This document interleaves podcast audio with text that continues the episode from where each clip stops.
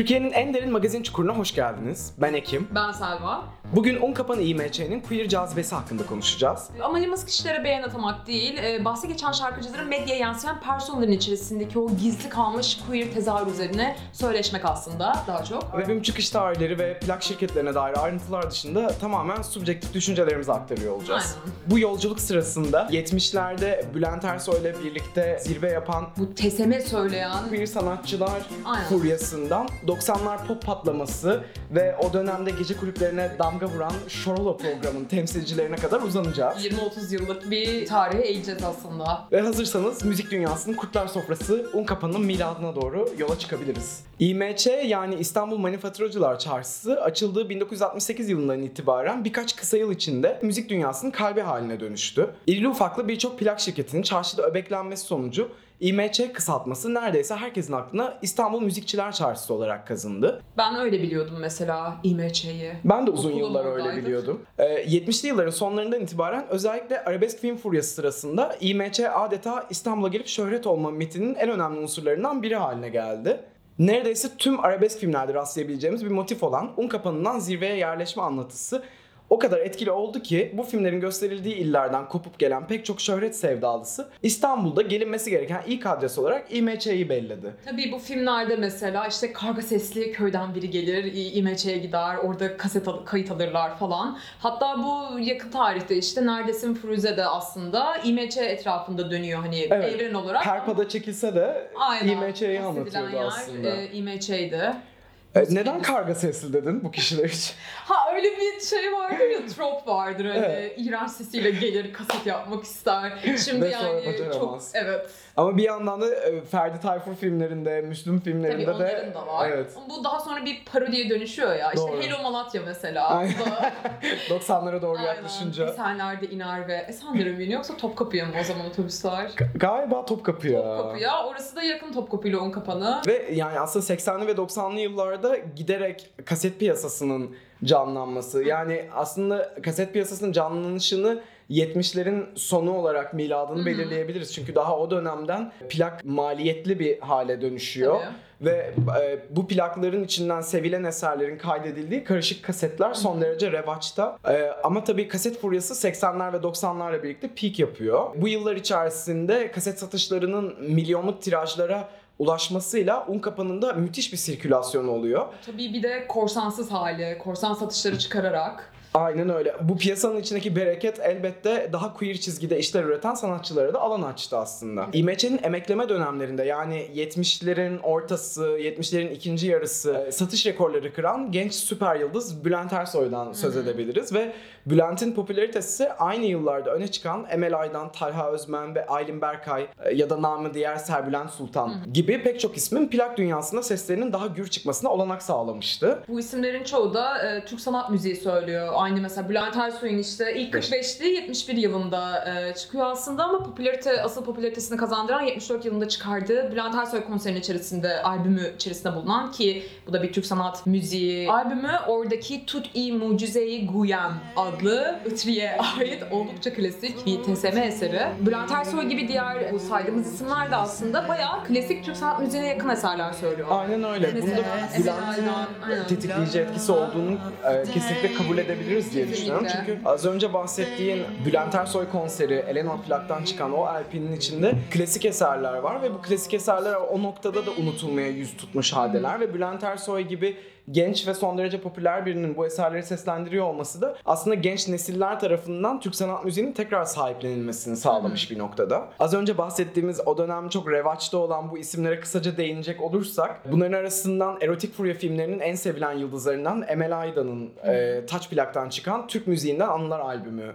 den bahsedebiliriz. Talha Özmen'in Gürgen Plak'tan çıkan Zeytin Gözlüm LP'sinden yine söz edebiliriz. Aylin Berkay, namı diğer Serbülent Sultan, çok kısa süre sonra Kibariye'nin yorumuyla tüm Türkiye'nin ezberleyeceği Kim Bilir şarkısını 79 yılında bir 45'lik olarak Korkmaz Plak'tan çıkarıyor yine. zamanda ilk söyleyen kişi değil mi? Evet. Bu göz ardı ediliyor. Maalesef öyle. Kim bilir Kibariye'nin yılbaşında TRT ekranlarına çıkıp seslendirmesiyle bir anda 81 yılında Türkiye'nin en çok konuştuğu şarkı haline geliyor. Ve bu dönemde de Kibariye ve Yeliz arasında, bu ne dünya kardeşim Yeliz arasında bu şarkıyı kimin önce söylediğine dair basında bir polemik oluşuyor. Oysa ki göz ardı edilen faktör burada Aylin Berkay'ın zaten şarkıyı daha önce seslendirmiş olması. Kim bilir 81'de mi popüler oluyor? Çok da o döneme uygun bir şarkı değil. 80-81'de kesinlikle.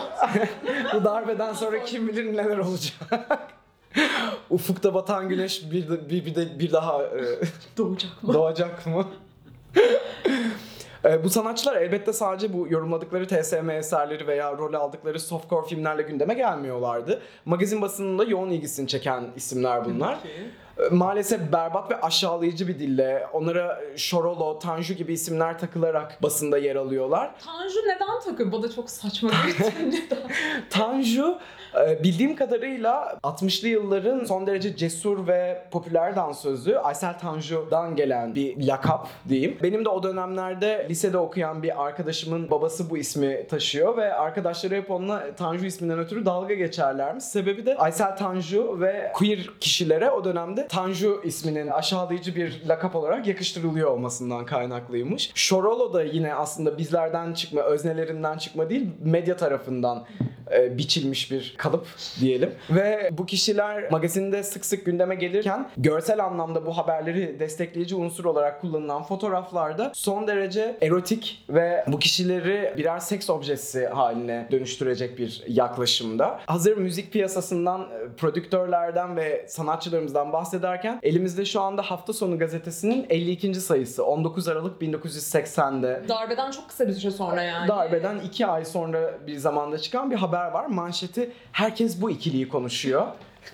Ve yani tüm sayfa e, bu habere ayrılmış. Konu özetle e, Talha Özmen'in bir e, prodüktörle, bir sinemacıyla yaşadığı gizli aşk ve onun önüne serilen bazı İmkanlar. imkanlar. Sayfanın yarısını Talha Özmen'in e, neredeyse full nude diyebileceğimiz bir Fotoğrafı kaplıyor. fotoğrafı kaplıyor ve prodüktör sevgilisiyle bir gece kulübünde basıldığı görüntü. Talha Özmen'den kısaca bahsedecek olursak Talha Özmen Bülent Ersoy'un çocukluk arkadaşı. Hatta Bülent'le beraber e, çocukluklarında evden kaçıp gazinoya gidip e, gizlice sanatçıları izlerlermiş. Talha da Bülent'in popülaritesinin ardından şarkıcı oluyor. Eczacılık fakültesinde okurken daha sonrasında hatta tamamlayıp eczacılığa dönüş yapıyor yasaklı yıllarında. Gülgen Plak'tan Zeytin Gözlüm e, LP'si çıkıyor. Çok tutuluyor. Şarkı bir hite dönüşüyor.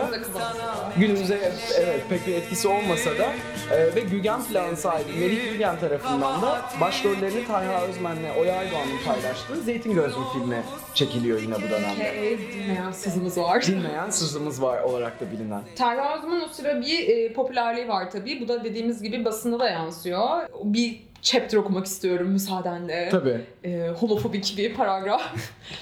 Terra Özmen'in hiçbir şey umurunda değil. O seks dergilerinin kapak yıldızlarına özenircesine daracık mayolar giyip saçlarına çiçekler takıp çırılçıplığa yakın fotoğraflar çektiriyor.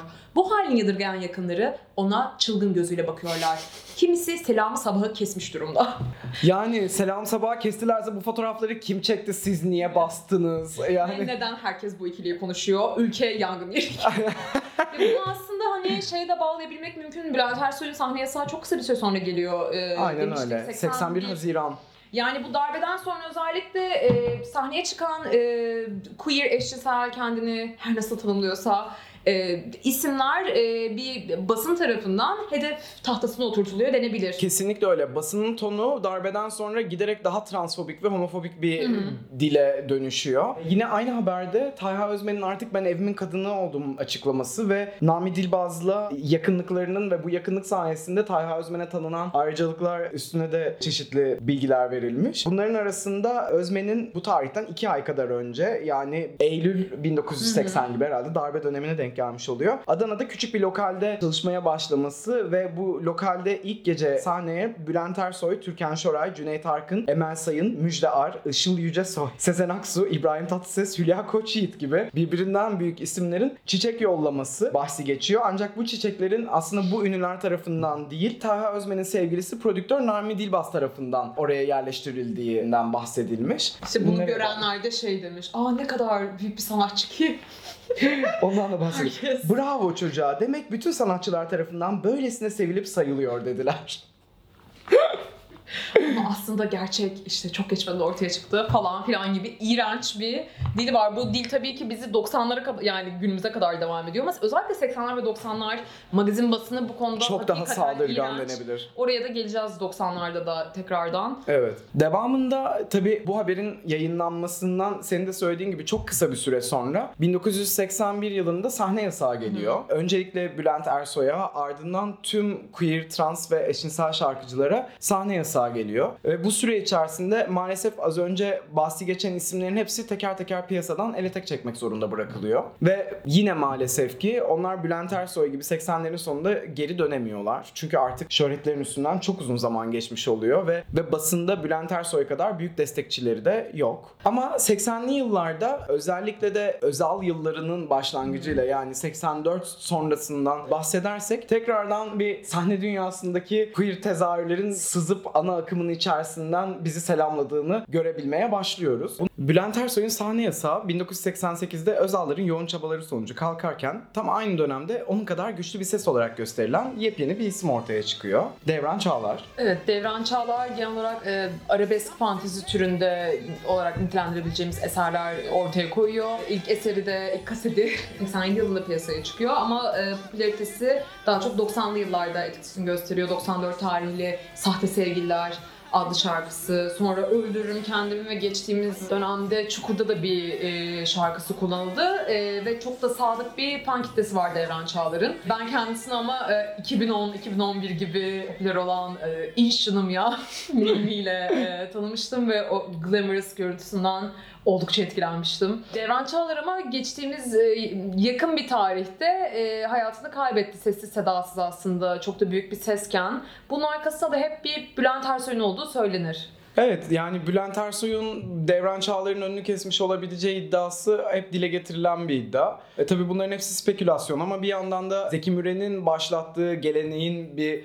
takipçisi olduğunu varsayarsak Bülent Ersoy'un o yaşamak için öldür mottosunu benimsediği söylenebilir ki geçtiğimiz dönemde Gain için hazırladığımız Zeki Müren e, belgeselini hazırlarken Zeki Müren'in nasıl acımasız taktiklerle rakiplerini alt ettiğini şoklar içerisinde e, araştırırken e, fark etmiştik. Bülent Ersoy'un da bunu yapmış olması mümkün denebilir. Devran Çağlar'ın piyasaya çıktığı dönemde özellikle bu 80'li yılların ikinci yarısına damga vuran bir müzik türü ortaya çıkıyor. Taverna müzik.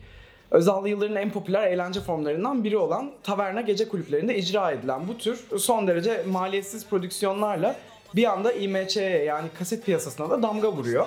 Ve bu dönemde üst üste onlarca no name isim iyi iş yapan taverna kasetleri çıkarıyor. Bunlar arasından bizim konumuzla ilişkili olan eser 1988 yılında Tatlı Ses plaktan çıkan Allah Allah Taverna kaseti. Bu kasette vokalleriyle yer alan isimler arasında bir dönem İbrahim Tatlıses'in vokalistliğini yapan Murteza Ergin ve yine o dönemler İbo'nun masörü olan Yılmaz Morgül var. Ee, Murteza Ergin ya da daha popüler ismiyle Murti Türkiye'nin ilk AIDS vakası olarak ünlü olmak zorunda kalıyor. Zorunda kalıyor diyorum çünkü 1985 yılında basın tarafından özel hayatın gizliliği ve hasta mahremiyetini hiçe sayarak ismi ve yüzü tüm Türkiye'ye ifşa ediliyor ve hedef gösteriliyor. Ve basının körüklediği bu panik ortamı dolayısıyla bir süre hem arkadaşları tarafından dışlanıyor, e, toplum tarafından dışlandığı gibi ee, ama tabii bir yandan da bu şöhret yüzünden İzmir Fuarı'nda Tatlıses ve Oya Aydoğanlı bir kadroda sahne alıyor. Allah Allah Taverna dışında Murti'nin başka bir kasetine rastlayamadık. Ama bildiğimiz e, şu var ki Murti 1992 yılında onca selebriti arkadaşının arasından sadece Nigar Uluerer ve Harika Avcı'nın katıldığı bir cenaze töreniyle öbür dünyaya uğurlanıyor. E, bayağı sosyal ve fiziksel bir tecrit uğradığını söyleyebiliriz. Ben e, küpülerden şeyi hatırlıyorum mesela. Bir tane gazeteciyle mi el ele sıkışıyordu? Bakın AIDS geçmiyor Evet. diye gayet basında iğrenç bir dille e, yer almıştı. E, fakat 80'lerde de e, eğlence dünyasında yalnız İbrahim Tatlıses'e değil pek çok insanda kanki olmasına Herkesin rağmen kankası olan bir isim. yalnız bırakılıyor ve yalnızlaştırılıyor. Pek çok ismin kaderi gibi. Maalesef. 80'li yılların sonlarına taverna müzik damga vuruyor dedik. 80'lerin gerçekten hani artık 88-89 gibi pop müzik de bir yeniden e, dirilmeye başlıyor. Darbeden sonra neredeyse öldü denilebilecek olan Türkçe pop tekrardan bir hareketlenir gibi oluyor ve zaten sonra 90 yılıyla beraber anlı şanlı patlamasını gerçekleştiriyor. Bu dönemde de hem bu patlamaya dahil olarak hem de patlamanın dışında kalan pek çok e, queer tezahürden yine söz edebiliriz. Yeni neoliberal ifade biçimleriyle perçinlenmiş bazı gösterimler mi deriz? Ortaya çıkıyor Ortaya diyebiliriz. çıkıyor. Bunların arasından e, benim kişisel olarak da çok batağında olduğum e, Halil Kadir Beyoğlu'ndan belki bahsederek başlayabiliriz. Halil Kadir Beyoğlu basındaki o zaman popüler tabirle aykırı modacı e, olarak geçiyor. Marjinal. Marjinal ve aykırı modacı. Dönemin vizyon şovlarının vazgeçilmez ismi. Hem tasarımcı kimliğiyle hem de tasarladığı bazı kostümleri bir manken olarak tanıtmasıyla zaten öne çıkan bir isim. Gece hayatında da çok seviliyor. Bu sebeplerden ötürü de işte Teleflash gibi dizilerde konuk oyunculuktan magazin sayfalarında boy göstermeye kadar giden bir spektrumu var ününün. Tam da 1992 yılında bu ününü bu defa müzik dünyasına taşımaya karar vererek o da IMC'de ben de varım, kaset piyasasında ben de varım diyor ve Soner Müzik'ten 1992 yılında Hop Oldu Moda isimli albümü çıkıyor. Bugün Spotify'dan da erişilebiliyor bu albüme. Dinlemenizi tavsiye ederiz. Pek ses geçirmiş bir albüm değilsen bizim haricimizde. Evet, e, dönem içinde de maalesef pek ses getirmiyor ve aslında hani bu yabancı müzikleri çorlayıp üzerine söz yazma taktiğiyle Tarkan'ın da uyguladığı. Tarkan'ın da ilk albümünde uyguladığı taktikle çıkarılmış bir albüm var. Halil Kadir Beyoğlu 1994 yılında bağırsak kanseri nedeniyle 35 yaşında çok erken bir yaşta hayatını kaybediyor. Ee, bu vakitsiz ölümde Uzay Parı'nın e, Ölümüyle birebir aynı döneme denk e, düşüyor. çok yakın e, tarihlerde. Ben de e, araştırırken Sezen Aksu için e, şey görmüştüm. Bayağı işte Beyoğlu genç, e, aynen genç ö- öldü falan tarzı. Ben de yine o dönemde e, Halil Kadir Beyoğlu ve Uzay Yapar'ın beraber işlendiği Cumhuriyet'te bir küpür Hı. gördüğümü hatırlıyorum ve ikisinin de ölümüyle beraber daha tanınır hale geldiği ve haklarında Hı. daha çok söz edilir. Akşam haberlerinde adları geçer ve konusu işlenir hale geldiklerinden bahsediyordu oradaki küpürde. Keşke yaşarken daha çok kıymeti bilinmiş olsaydı. Gerçekten de birden fazla yeteneğe sahip son derece hünerli, parlak bir isim. Erken yaşta hayatını kaybetmesi de bir o kadar üzücü. Tabii 90'lar pop patlamasından söz ederken patlamanın öncü isimlerinden Harun Kolçak. Evet çok önemli bir isim pop atlaması için. Çünkü ilk albümünü çıkaranlardan aslında bu Sezen Aksu Kalın dediğimiz e, oluşumun ilk... e, Kendisini daha sonra Ecinliler olarak evet, tanımladığı e, Sezen Aksu Klan'ın ilk ürünlerinden Aşkın Nur Yengi'den sonraki sonra aynen. ilk ürünü. Zaten 80'li yılların sonlarında Aşkın Nur Yengi ile beraber vokal yapıyordu Sezen Aksu için ve Sezen Aksu'nun bir gün banyosunda şarkı söylerken Sezen Aksu'nun dikkatini çekiyor Harun Kolçak ve bu şekilde aslında bir e, albüm çalışmalarına başlıyor. Öncesinde sadece basçı Evet. ve vokalist. İlk albümü Beni Affet 91 yılında çıkıyor. İçinde en popüler parçası e, Gir, Gir Kanıma Kanıma. Var. Sensiz E, olmam yine o albümdedir. O da çok sevilen bir eserdi. İki tane çok büyük hiti var ya. Çok. Öyle şey değil Ya mi? ilk albümden zaten şey hitmaker e, konumuna geçiyor. Ardından 93 yılında çıkarttığı En Büyük Aşk da yine Hmm. çok çok seviliyor ve çok satıyor. Bu tirajları yaparken gücünü bir diğer genç yetenek olan Bendeniz'le birleştiriyor 94 yılında. Bendeniz de o sırada e, Rox Müziğin e, yeni keşfettiği star isimlerden birisi. Kendisi aslında İsviçre doğumlu. Türkiye'ye geliyor oldukça 18-19 yaşında sanırım ilk albüm çıkardığında 93 yılında Ya Sen Ya Hiç ile patlamasını gerçekleştiriyor. Ben Deniz albümü. Aslında Deniz adı ama albüm çok tuttuğu için. Albüm çok tuttuğu için ismini Ben Deniz olarak kullanmaya Aynen. başlıyor bu noktadan sonra. e, kullanmak zorunda kalıyor hatta Aynen. kendi tercihiyle de olmamış anladığım kadarıyla. ve ardından Ben Deniz 2 ve Ben Deniz 3 albümleri çıkıyor ama Ben Deniz 2'ye gelmeden önce dediğin gibi Harun Kolçak'la güçlerini birleştirip bir EP ve çıkarıyorlar. ortak çalışması olan bir EP Biz isimli. Ve bu EP'nin yanı sıra da özel bir dostlukları gelişiyor aslında. O dönem verdiği röportajlarda işte bir tanesinin başlığı sevişmiyoruz, tarot, Tarot bakıyoruz. bakıyoruz. Bu da yan yana görüldükleri için hemen aralarında işte aşk dedikoduları alıp yürüyor ama aslında oldukça queer platonik diyebileceğimiz bir ilişkileri Evet. var. Zaten röportajlarında verdikleri demeçlerde de bu görülebiliyor. Hakeza ikisinin de imajları da queer platonik ilişkiyi karşılayan nitelikte diye dü- düşünüyorum. Bendeniz yine ayrıca Harun Kolçak'la birlikteliğinin, bu müzikal birlikteliğinin e, yanı sıra e, kendi işlerinde de kliplerinde de oldukça e, ne derler feminite dışarısı çıktığı ve e, farklı bir izlence sunduğu söylenebilir bence. Ee, Kesinlikle. Ki kendisi yine basın tarafından bu yönde çok sıkıştırıldı kariyeri boyunca ve bence kariyerinin giderek düşüşe geçmesinde buradaki yıpranması da e, söz konusu diye Bir düşünüyorum. ama- faktördür. Aynen. Kesinlikle. Harun Kolçak'la beraber çıkardıkları Biz EP'sinde yer alan Elimde Değil ve Sev Biraz. Her ikisi de çok seviliyor ve özellikle aralarından Elimde Değil bugün bile çok sık dinlenen bir eserleri. Benim favorim Sev Biraz'dır. Aa, ben elimde değili tercih ediyorum. Bence unutulmaz bir klasik, e, unutulmaz bir slow.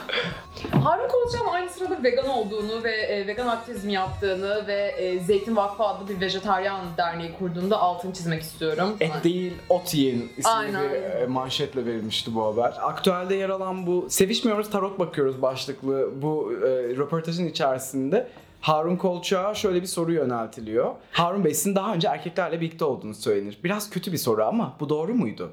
Harun Kolçak'ın cevabı ise şöyle. Hiç kötü bir soru değil. Böyle bir söylenti var. Şimdi Deniz'le olan ilişkimizde cinselliğin bulunmayışının böyle bir dedikoduya bağlanmasını asla istemem. Büyük İskender'den tutun da pek çok sanatçıya kadar büyük çığırlar açmış eşcinseller vardır. Çok eşcinsel arkadaşım var. Onlarla gezip tozmaktan hiç çekinmem. Bir tırnak içinde homo fobim yoktur. Gençlik çağlarımda küçük eşcinsel deneyimler yaşamış olabilirim.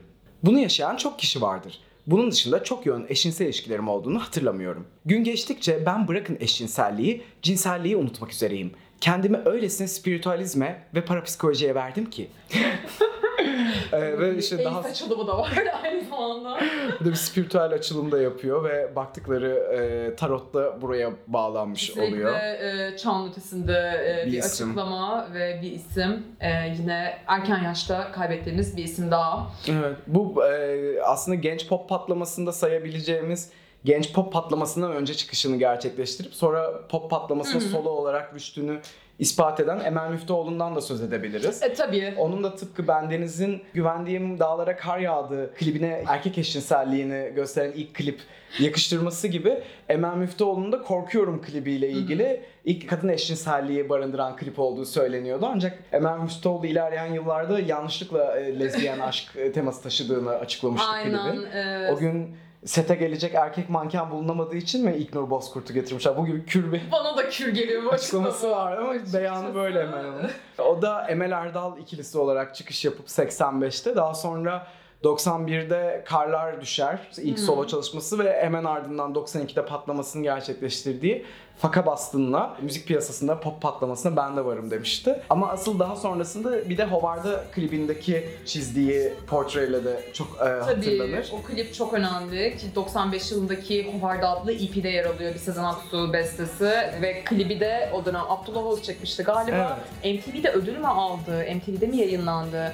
Öyle bir Bendeniz'in e, Ya Sen Ya Hiç klibi de Aa, MTV'de gösterilmişti. güzel bir İlk gösterilen Türkiye'li klip olduğunu hatırlıyorum. Aynı şekilde MTV'de bir airtime aldığına dair Howard'ın da çıkan ödül haberleri vardı. hatırlıyorum Ama şimdi yanlış olmasın. Howard'ın klibinde çok e, nasıl desem güzellik normlarına uymayan bir sokak e, kadını evet. ve ekibinin o sokakta e, seks işçiliği yapan Seray Sever'le Yollarının kesişmesini Yollarının- ve Emel'in bunun üstünden kendini feminize edilmiş bir norma sokma çabasını mı izliyoruz demek? Evet hem onu izliyoruz hem de bazı gözlere göre bir homoerotizm de barındırıyor. Kesinlikle bu var. çünkü. Seray Sever'in onlara Cleavage'ı e, Emel tarafından appreciate ediliyordu diye bir hatırlıyorum o kahve sırada. e, Servisi sahnesi. sahnesinde Emel bir memesini elliyordu ve en son Emel Memesine o bakıyordu. Emel dönüşümünü gerçekleştirdiğinde e, dükkandan elbise çalıp o sırada Seray Sever balkona çıkarak elindeki şeyi yudumlarken ona bir attığı bakış var ki e, yorumlamaları açık olduğunu düşünüyorum. E, çok değerli, denebilir. kesinlikle iç gıdıklayıcı. Müzik tarihine iz bırakmış bir klip olduğunu düşünüyorum. Kesinlikle. Yine tıpkı Bendeniz gibi e, o dönemde Rax'ın yeni çıkardığı bir isim olan ve klibiyle e, gündeme gelen şarkısından daha çok e, Ahmet örneğinden söz edebiliriz. Şarkısının ötürü daha sonra adı Ah Canım Ah Canım Ahmet'e çıkan.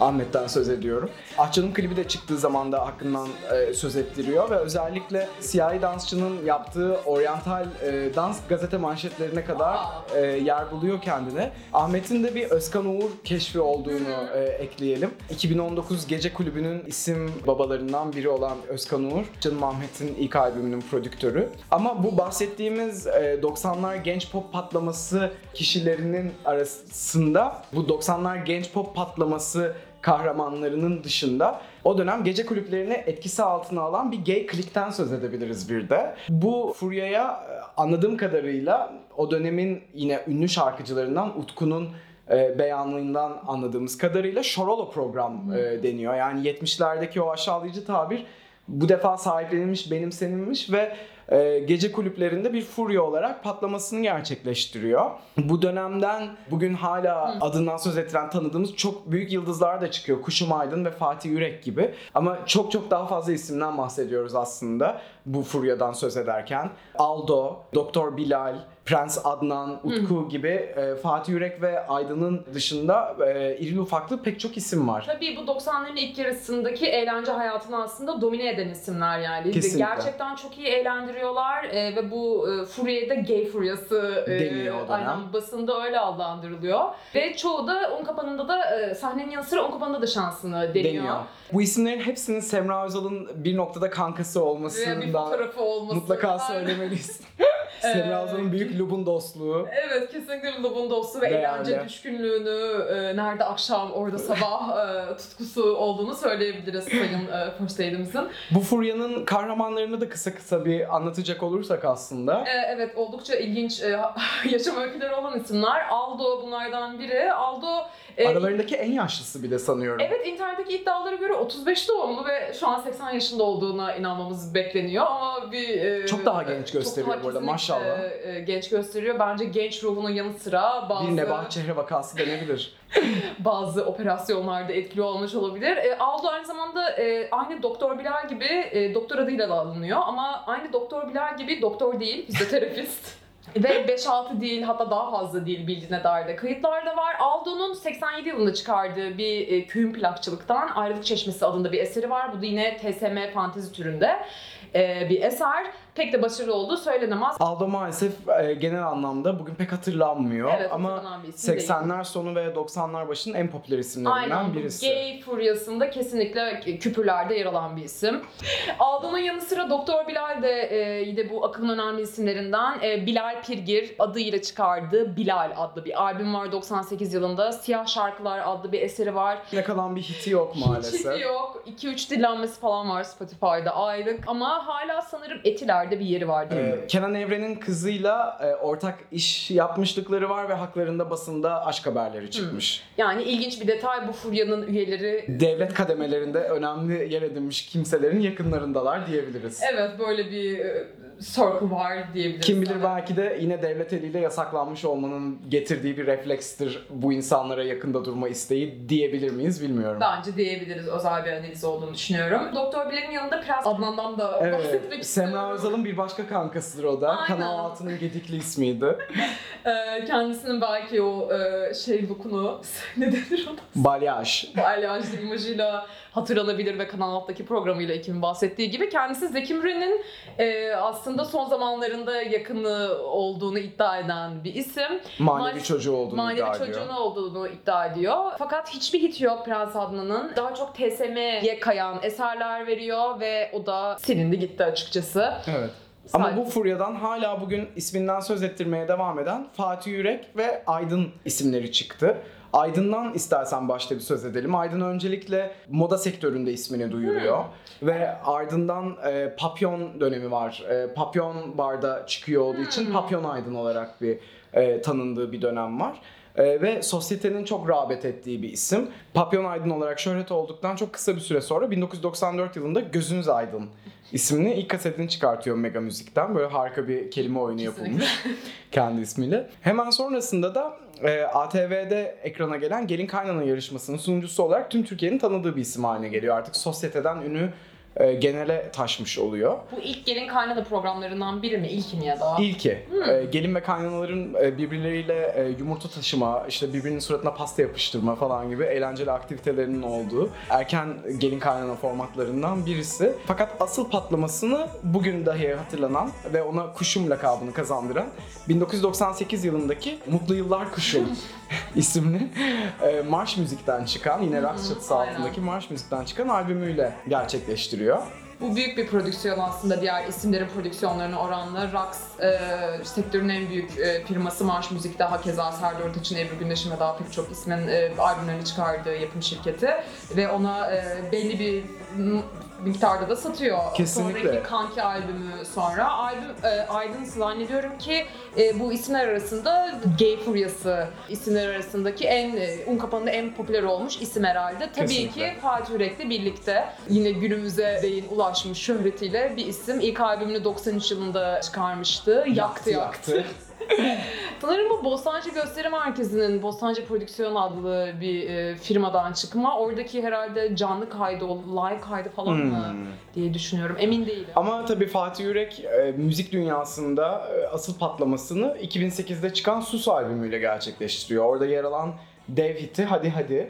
Bugün Sus bile da büyük bir hitti. Evet o da iyi bir yani o da bir hit denebilir ama tabii bir hadi hadi büyüklüğünde bir hit değil. Hadi hadi gerçekten de o yıllara damgasını vurup bugün hala hatırlanan bir Çıldırmacı şarkı. şarkısı. 2008 yılının moda tabiriyle bir maxi single olarak çıkmıştı Sus eee, çalışması. Bunun içinde yer alan Hadi Hadi dev bir hit gerçekten de. E, o yıllardan bugüne de e, adından söz ettirmeye devam eden bir şarkı. Hala çıldırmacı anlarında ilk Evet. başvurulan şarkılardan biri.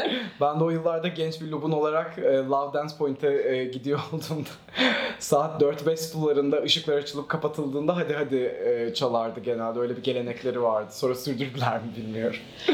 Tabii bu isimler de e, aynı 80'lerde, 70'lerde tüm basın tarihinde olduğu gibi e, belli bir takım yakıştırmalarla kendine yer buluyor. Bu gay furyasının e, sönüşünü mesela yine araştırmalarımız sırasında bulduğumuz bir küpürde şöyle duyuruluyor. 1996 tarihli bir 1996 küpür. tarihli bir küpür. E, gaylerin havası söndü. Son 5 yıldır gece kulüplerinin vazgeçilmez sanatçıları gaylerden oluşuyordu. Bu moda gerek sosyete ve sanat camiası tarafından oldukça beğenildi. Gay sanatçıların çalıştığı barlar tıklım tıklım dolarken patronlar da milyarlar kazanmanın keyfini çıkardı. Fakat tırnak içinde gay modası özellikle 96 yılında yavaş yavaş unutulmaya başladı.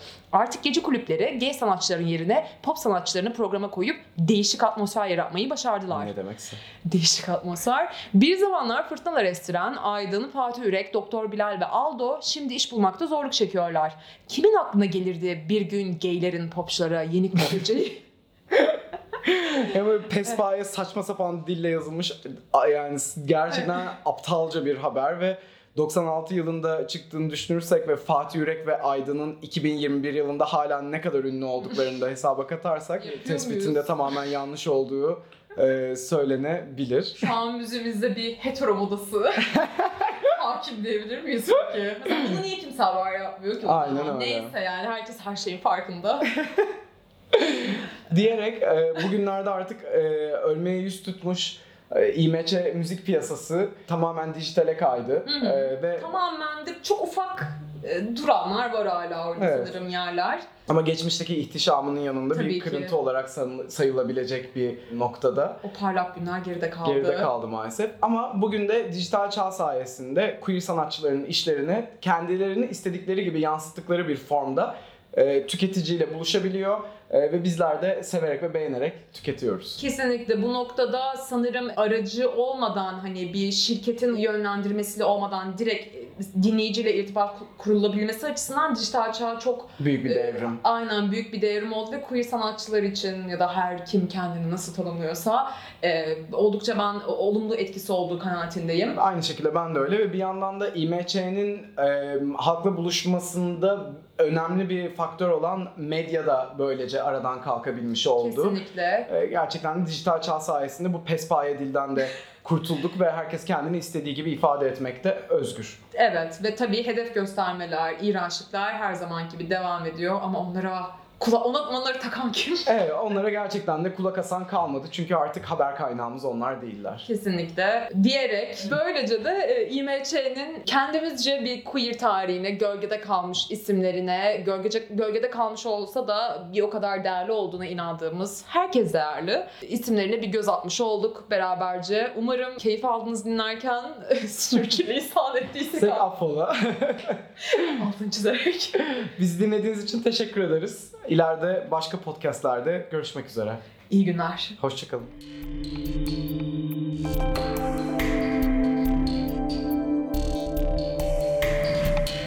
Fugamundi sundu.